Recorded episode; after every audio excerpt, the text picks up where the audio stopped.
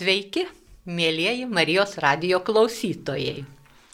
Garbė Jėzui Kristui, kaip įprasta sveikintis tarp katalikų, šiandieną sakau jums aš gražina Kadžytė ir ne viena, nes su mūsų radiju ir su jumis kartu eisime į svečius, galbūt pas jūs, o gal svečiuosimės pas Vilniaus dukrą jau kelintos kartos Vilnietę, Gražiną Drėmaitę, kuri beje yra kartu ir Vilniaus, e, sakyčiau, tos paminklinės sakraliosios erdvės istorijos saugotoja, tą perimusi iš savo tėvelio, labai mums žinomo dailininko, dailėtyrininko, e, aprašiusio daugelį ir Vilniaus bažnyčių, ir kitų pastatų. Prisimena turbūt vyresniosios kartos žmonės, kaip mes bėgiojom, kaip mes ieškojom knygos dingęs Vilnius, koks tai buvo stebuklas apie įvairius Vilniaus miesto istorijos stebuklus pabandysime pakalbėti šioje mūsų laidoje. Tad ir sveikinamės su taip pat dailėtyrininkė, paveldosaugininkė. Jūs sakot, ne dailėtyrininkė, gražiai. Ne, aš restauratorė. Būčiau pasakiusi ir šitą. E, jūs esate restauratorė, paveldosaugininkė, vis dėlto iš pastaru, pastarojo laiko publikacijų mes žinome, kad jūs galima ir į dailėtyrininkų gretas įrašyti tikriausiai tas augimas tokioje šeimoje, tėvelio pavyzdys, jo įdirbis ir jo visi raštai, kurie buvo palikti ir kuriuos jūs tvarkėte, jūs ir veda tuo keliu, argi ne taip? Pirmiausia, laba diena. E, nu, nelabai e, ėjau tuo keliu, kurio tėvas labai norėjo. Labai norėjau būti medike, ir man labiau imponavo buteliukai maži su vaistais, bet taip išėjo, kad e, patekau į pirmą laidą tuomet Tarybų sąjungoje restauratorių iš visos sąjungos ir baigiau restauracijos mokslus. Greičiau nuėjo mano brolis, Drėmos sunus jo keliais, nes tapo architektų. Tai arčiau. Bet jūsų brolio labai įdomus vardas. Taip, tai, nu, aplamai tėvai gyveno labai sunkiu laikotarpiu iš tikrųjų gyvenimo, nes e, visą laiką gyveno Vilniui, kaip žinot, tuo metu buvo Lenkijos miestas. Ir e, tėvas turėjo tokį buvo susibūrę lietuvių draugija iš menininkų, kompozitoriai, poetai, rašytojai, e, dailininkai, e, kurie kovojo už tai, kad Vilnius būtų atiduotas Lietuvai. Ir tėvas užsiminėjo kai kuriais savo draugo Baltarusijos poeto Maksim Tanko vertimais ir visuomet pasirašinėdavo e, tokių savo slapyvarčių žvaigždras. Ir kai gimė sunus, tai kažkaip, nors mama labai sakė, sunkiai bus tariamas, bet e, pavadina savo sūnų žvaigždru. Tai va, brolio vardas aiškus, o gražina, o jūsų vardas. Tarp kitko, mėlyjeji Marijos radio klausytojai, aš noriu Jums pasakyti, kad labai džiaugiuosi, kai susitinkame gražina su gražina. Ir Vilniuje mes turime tokį neoficialų gražinų klubą, kurį kūrėme kartu su miela gražina Drėmaitė. Vieną kartą per metus, anksčiau tai dažniau susirinkdavom gražinų vardadienių daugiau yra, bet dabar rugsėjo 26-ąją vis ateina į mūsų Petro Vileišio rūmus, į Lietuvių literatūros ir tautosakos institutą, pulkelis gražinų, ateina naujų, tai mes pernai, kur jūs mėla gražina nebuvote, klausiniom vieni kitų, kaipgi tas vardas buvo įrašytas į mūsų asmens dokumentus, kas čia pasistengė dėl to tėvai, aplinkiniai giminaičiai ar dar kas nors. Taigi gražina jūsų vardo istorijos dar negirdėjome, tai pakviesime gražinas per Marijos radiją pasiklausyti. Nežinau, kas sugalvojo, kad būčiau gražina, bet mama labai norėjo, kaip tada buvo priimta antrą vardą, bet kai mane krikštijo e, Švento Mikalojaus bažnyčioje kunigas Čibiras, Jis pasakė, gražina yra pakankamai šventas vardas ir nereikia jokio antro vardo. Tai šitą aš atsimenu, reiškia, ne aš atsimenu, taip mama pasakojo, kad vis dėlto gražina pakankama, taip kad mudvi esam tikrai šventos. O koks įdomus patikslinimas dabar ir sakoma, kad iš tiesų ir mes ir jau iš tautosakos atkapstom, kad mes nežinom Dievo amžinybėje čia gyventami, gal jau ten įrašyti iš šventų šventųjų knygas, o ankstesniais laikais e, tai tikrai reikalaudavo to antro vardo, bet mm. čia mes jau kaip tik tai pasisuko kalba prie vieno iš jūsų šeimos bičiulio, prie šviesios asmenybės kunigo Kristupo Čibiro, kaip žinau, jis ir tuokė jūsų tėvelius ir jūs krikštijo, tai buvo Švento Mikalojaus bažnytėlė jums irgi labai sava. Tai buvo, ko gero, pati vienintelė bažnyčia lietuviams, nes jie dažnai ten burdavosi ir netgi e, tėvas nebuvo toks labai praktikuojantis katalikas, sakytume, kaip dabar sako, diplomatinis santykis buvo su Dievu. Kaip bet, dauguma Lietuvos vyrų, taip, kartą per metus Velykinės išpažinties ir dar žmonos bet, paraginti. Baigęs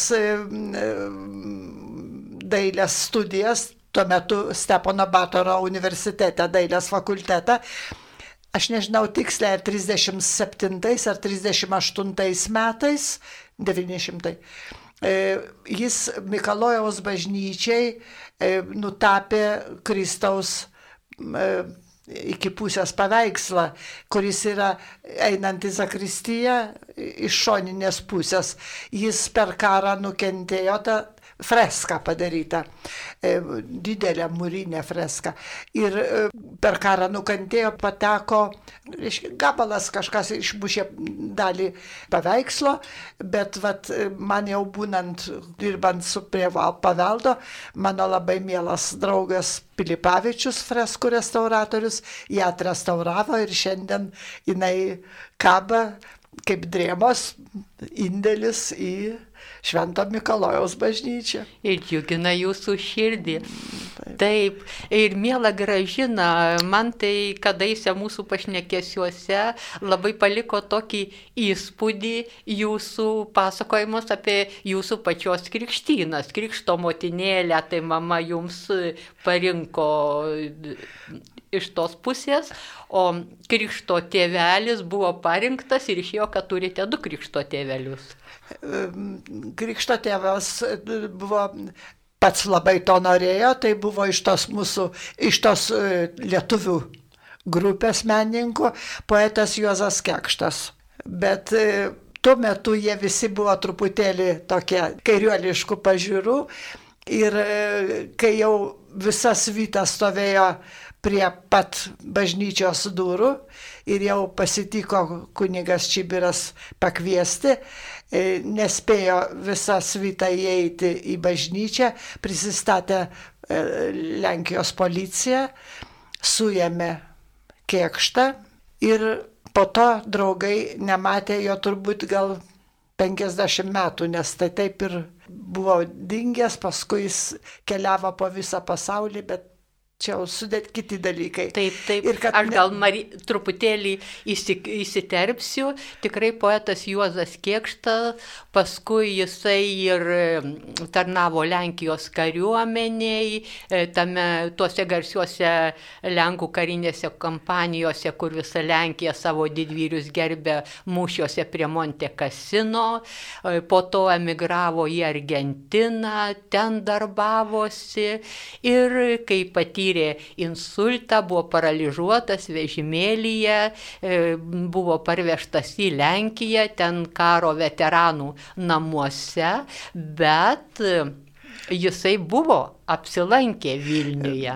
Taip, dideliam pastangom su asistentu buvo apie 60-uosius metus buvo atvaž... at...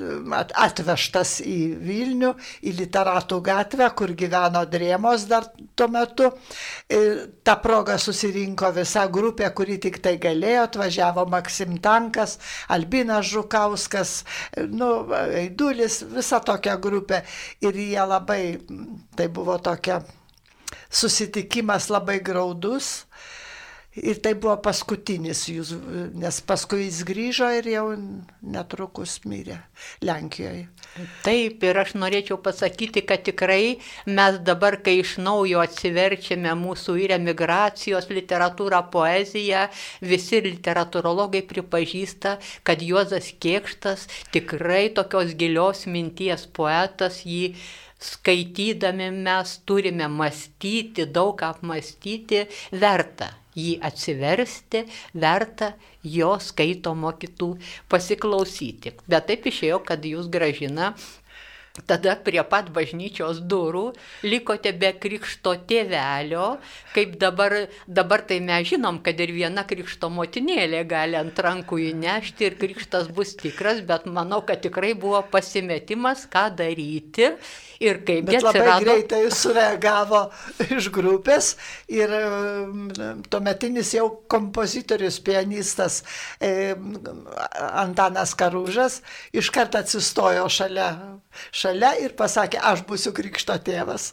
Na ir taip paskui iš tikrųjų taip ir vertinom ir lankiausi Lenkijoje, visuomet pasibūdavau. Labai šiltas žmogus, labai geras ir buvo garsus Lenkijoje įrašų studijos vadovas ir šiaip labai garsus kaip, kaip muzika, muzikologas. Taip, žinau, kad, kadangi jis dėstė ir muzikos akademijoje, muzikos universitete ten vadinamame, profesorius buvo tikrai jau pasaulinio masto garsenybė. Na be abejo, kai pasisiūlė jums į krikštatėvis, dar buvo, buvote jauni visi, bet visų gyvenimai labai gražiai išsiskleidė tokioje gražioje aplinkoje.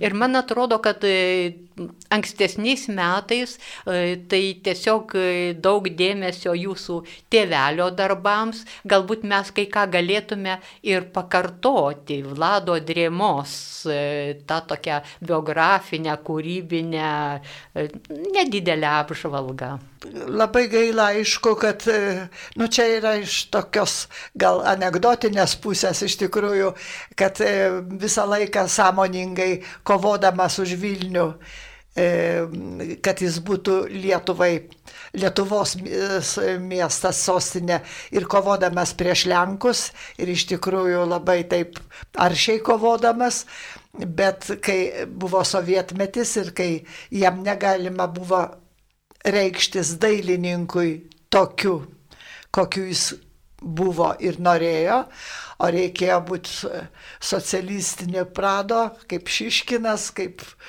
kito momento. Žinome anegdotus apie socializmą. Jis, taip, jis atsisakė meno. Ir, o reikėjo iš kažko gyventi, nes jau buvom du vaikai E, ir tais laikais už mokslą reikėjo mokėti mokykloje. Taip, kad tai buvo problema iš tikrųjų. Jis įnyko į e, literatūrą apie e, architektūrą, apie juose toje architektūroje įkomponuotus dailininkus, skulptorius, freskistus, tapytojus ir surinko labai didelę medžiagą. Ir tos medžiagos, aišku, nieks neleido, nepriemė joks E, žurnalas arba laikraštis arba literatūra, nežiūrint, kad jo geras draugas Jonas Karosas buvo ir mokslo gyvenimo redaktorius, bet tabu buvo. Ir pirmieji, kas ištiesė ranką į jo straipsnius tokio pobūdžio, apie baroką, apie klasicizmą, buvo Lenkai. Tai čia va taip pasisuka gyvenimas. Taip, kad nieko negali atsižadėti. Ir paskui nu, ypatingai išsivystė labai didelė draugystė tarp jo kaip studento buvusio ir jo buvusio profesoriaus Stanislovo Lorenzo, kuris paskui buvo ilgametis e, Varšuvos nacionalinio muziejaus direktorius. Ir jų susirašinėjimas buvo toks labai moksliškas, irgi pasibaigė juokingai, nes būdavo tik laiško pradžia, labas profesoriu arba labas brangusis. Ir pabaiga viso gero būkite sveiki. Visa kita turinys buvo absoliučiai mokslinis, menotyrinis. Bet kai pas mus prasidėjo blokada ir visas pasaulis sužinojo, kad mes lik ir neturim ką valgyti ir, ir pas mus buvo tie žvėriukai, turbūt Pirmas, kas atsiuntė maisto siuntinį, buvo Lorenzas iš Lenkijos. Bet kadangi jis sako, kadangi žinau, kad pas jūs labai viską tikrina, parašyk man, ką gavai. Ir atrašo drėmą, kad gavau pieno miltelių, ryžių, cukraus, kavos, ten šokoladą, ten, žodžiu, viską parašo.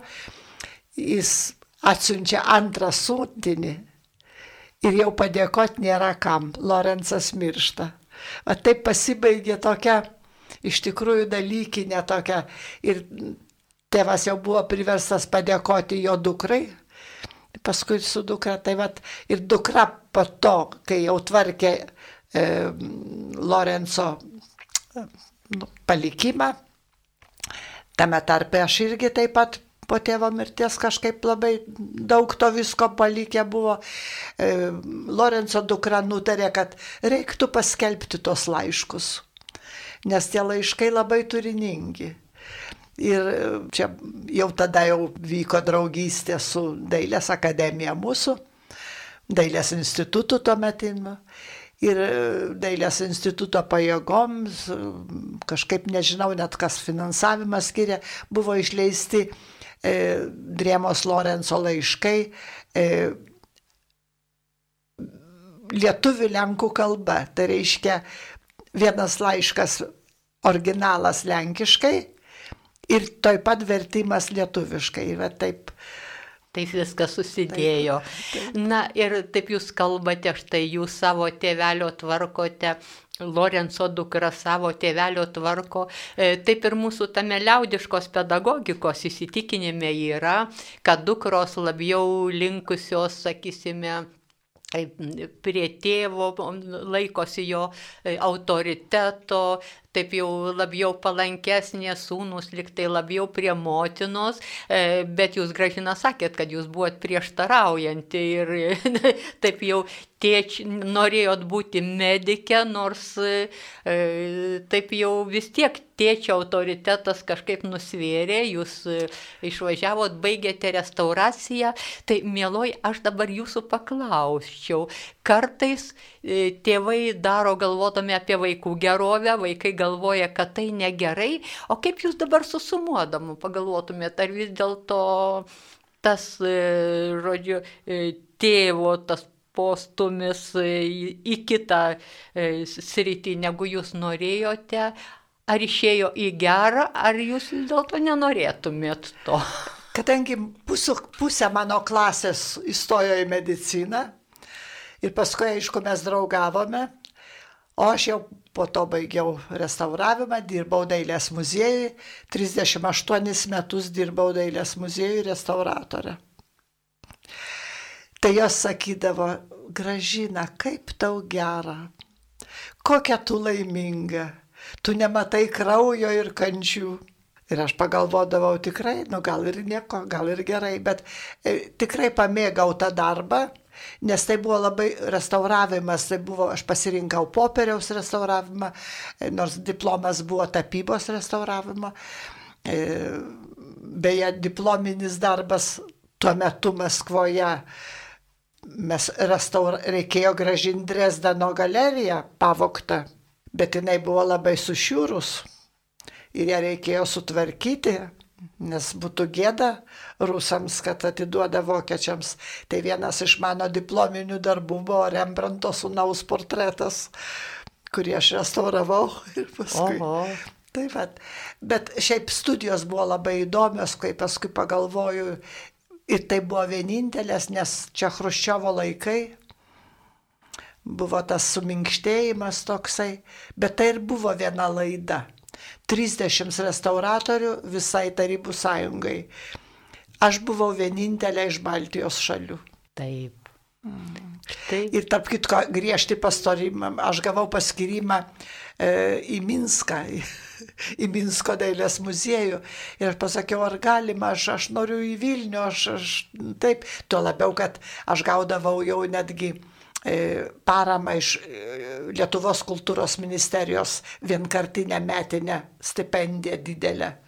Kažkaip, nežinau, tai Banaitis, amžinatilis, tai buvo ministras.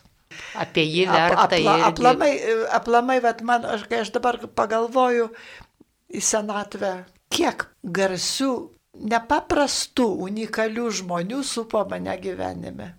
Iš tikrųjų, tai buvo žmonės iš didžiosios Ž raidės. Taip, tikri, tikri žmonės. O jums tai buvo kraitis ir turtas, kuris nesunyksta niekada, kurio niekas nu, neįsivaizduojate, jeigu aš ateidau, atėjau į muziejų ir tai buvo 57 metai, dar karsavimas buvo. Karsavinas dar buvo muziejuje, po to jau reiškėsime. Tai manau, kad mėla gražina Vilniaus metais, tai jūs neatsiginsite ir žurnalistų, ir klausiančių, ir klausinėjančių, bet gal kartais ir dar mums teks ir Marijos radijoje susitikti. Aš Apie... labai atsiprašau, bet aš noriu pasakyti, tai gerai, kad jūs tai suprantat. Deja, dabar kas kalbina, jie šitų dalykų nesupranta. Bet labai gaila. Tai labai gaila, nes turime, jeigu norime susikalbėti, tai turime kalbėti žiūrėdami į tuos pačius dalykus ir panašių žvilgsnių. O mėla Marija, taip truputėlį apkalbėjom jūsų ir tėvelio, tą santyki tėvelį, e, kaip jūs sakėte, kuriejas ir gal ir laisvesnės minties kuriejas, o jūsų šeimos tą visą e, ir, ir dorinį, ir, ir, e, ir katalikiškai, kaip suprantu, pamatą mama atlaikė, nes irgi įdomi asmenybė buvo, tikrai labai taip, šilta mama, moteris.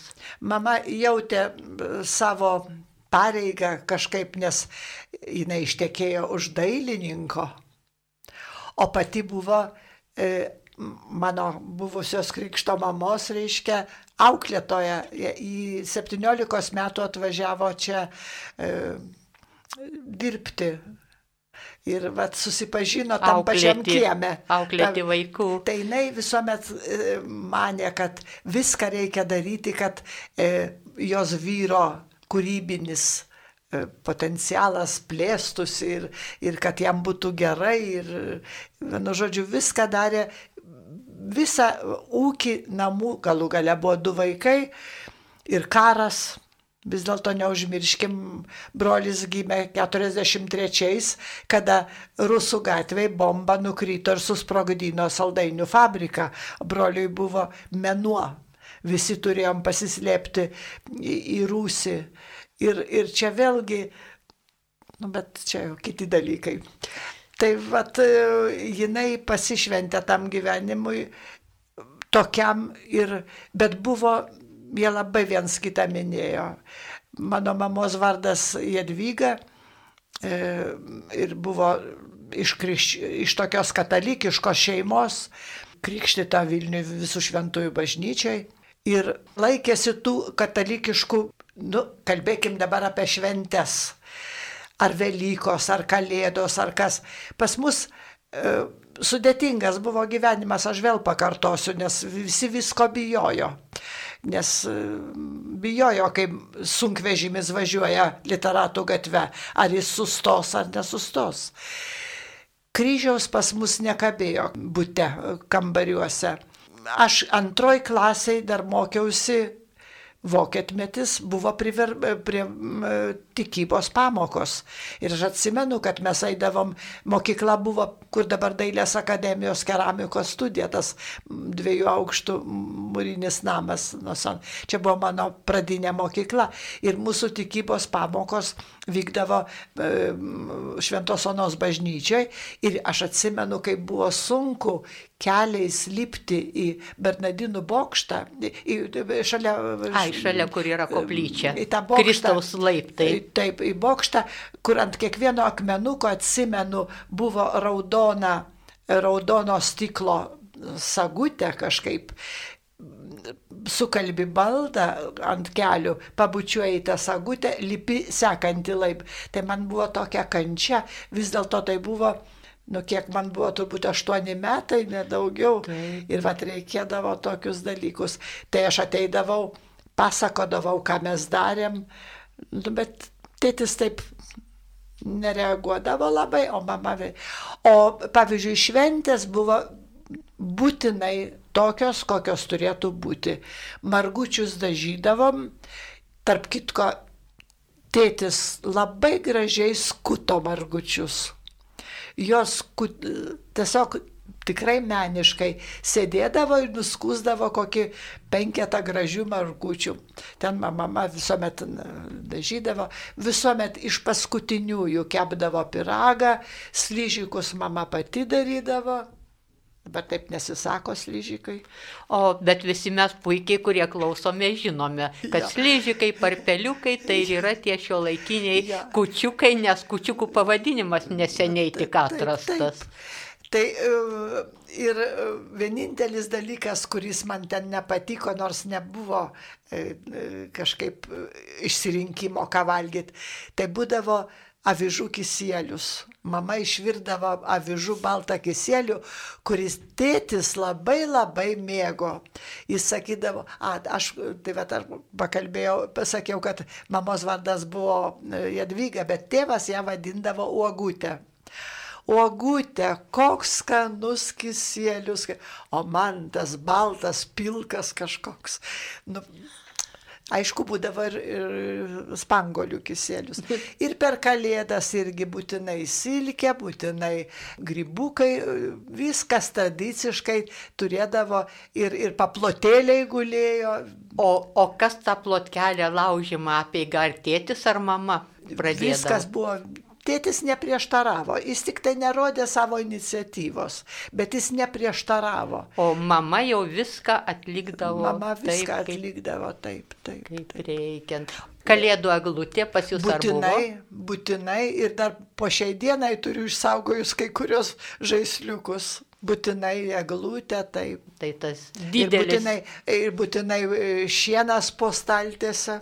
Ir e, per Velykas pataisų mama visuomet eidavo į, į Halės turgų, ten viską nupirkdavo, viską atneždavo. Mat, kaip aš ir galvoju, iš kur Vilniuje, pavyzdžiui, tas šienas postaltėse, bet turgui būdavo visko. Buvo visko. Ir per verbų sekmadienį netgi... Um, Aš neatsimenu, bet tėtis labai girdavo verbas ir būtinai jam patikdavo tos verbos, kur geltona, žalia, raudona.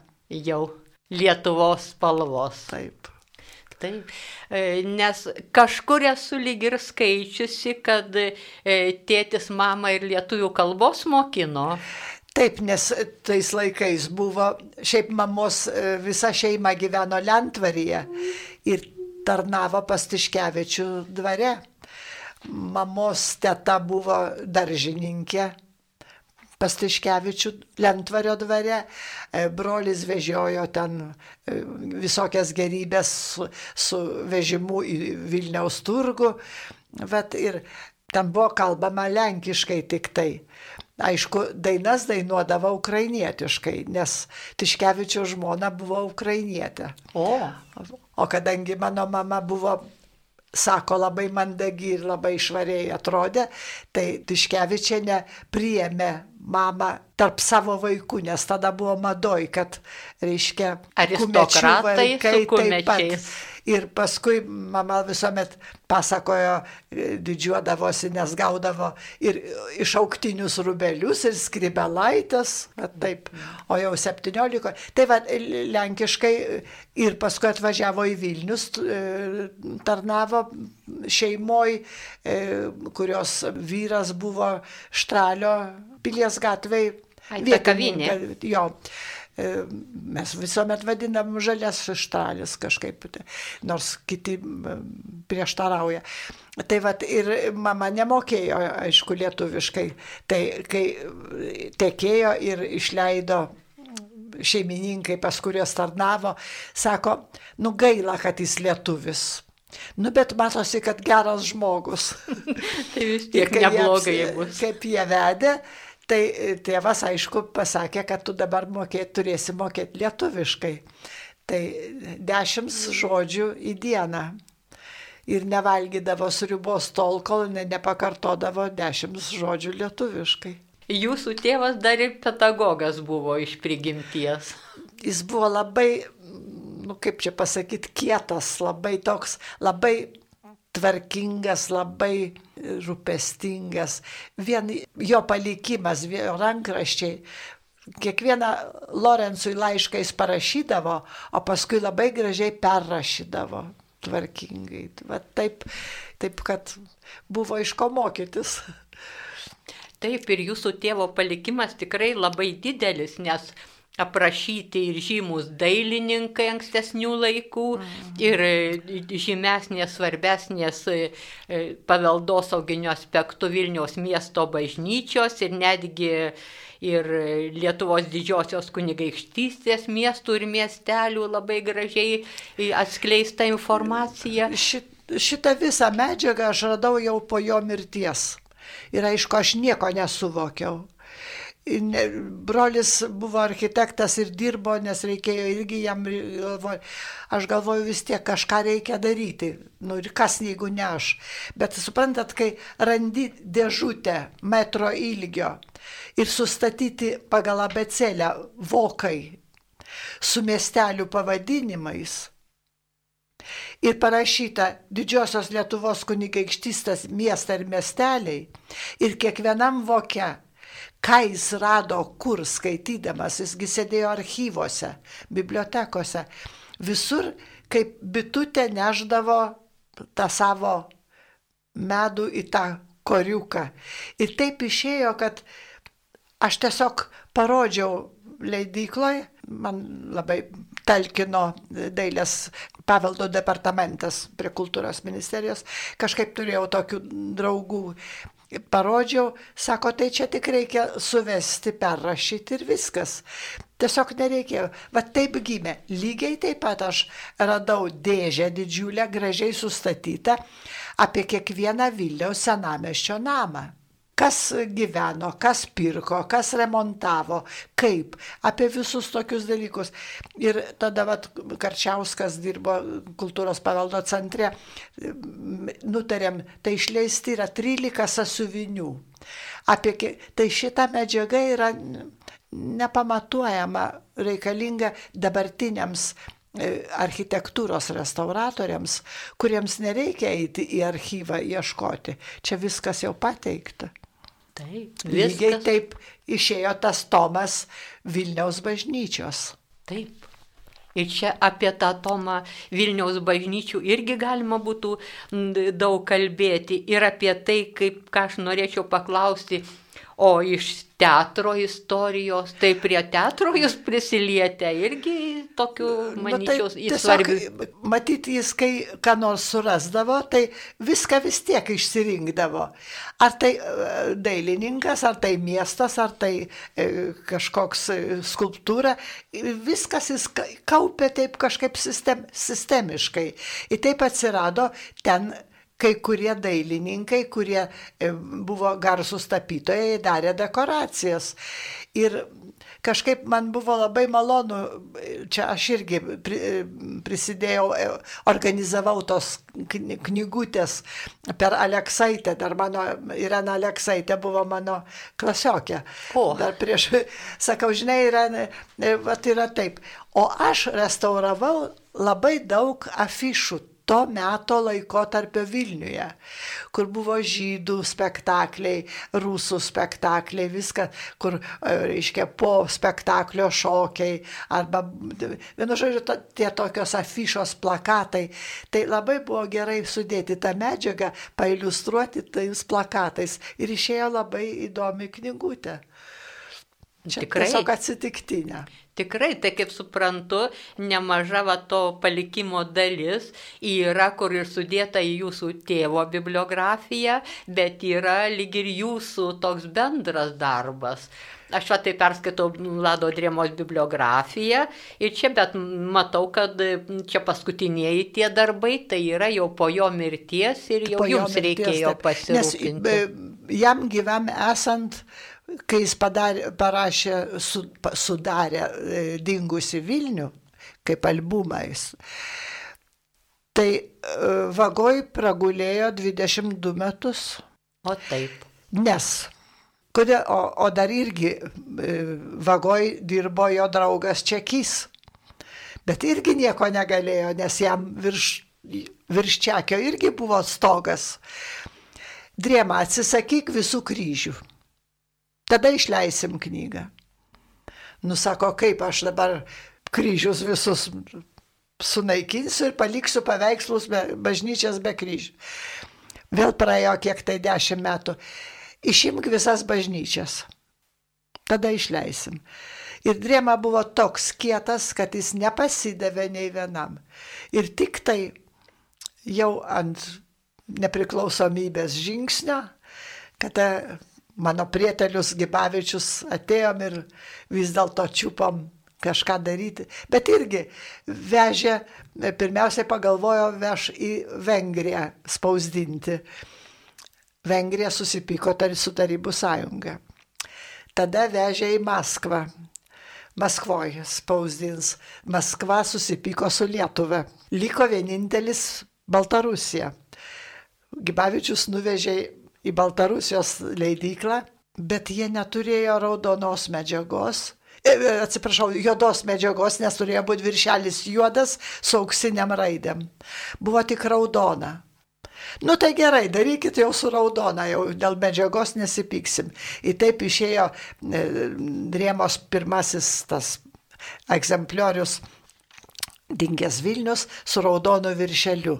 Gavęs Gibavičius e, tą pirmą egzempliorių, atėjo pas mus į namus, jau drėma gulėjo lovoj ir jis atsiprašinėjo.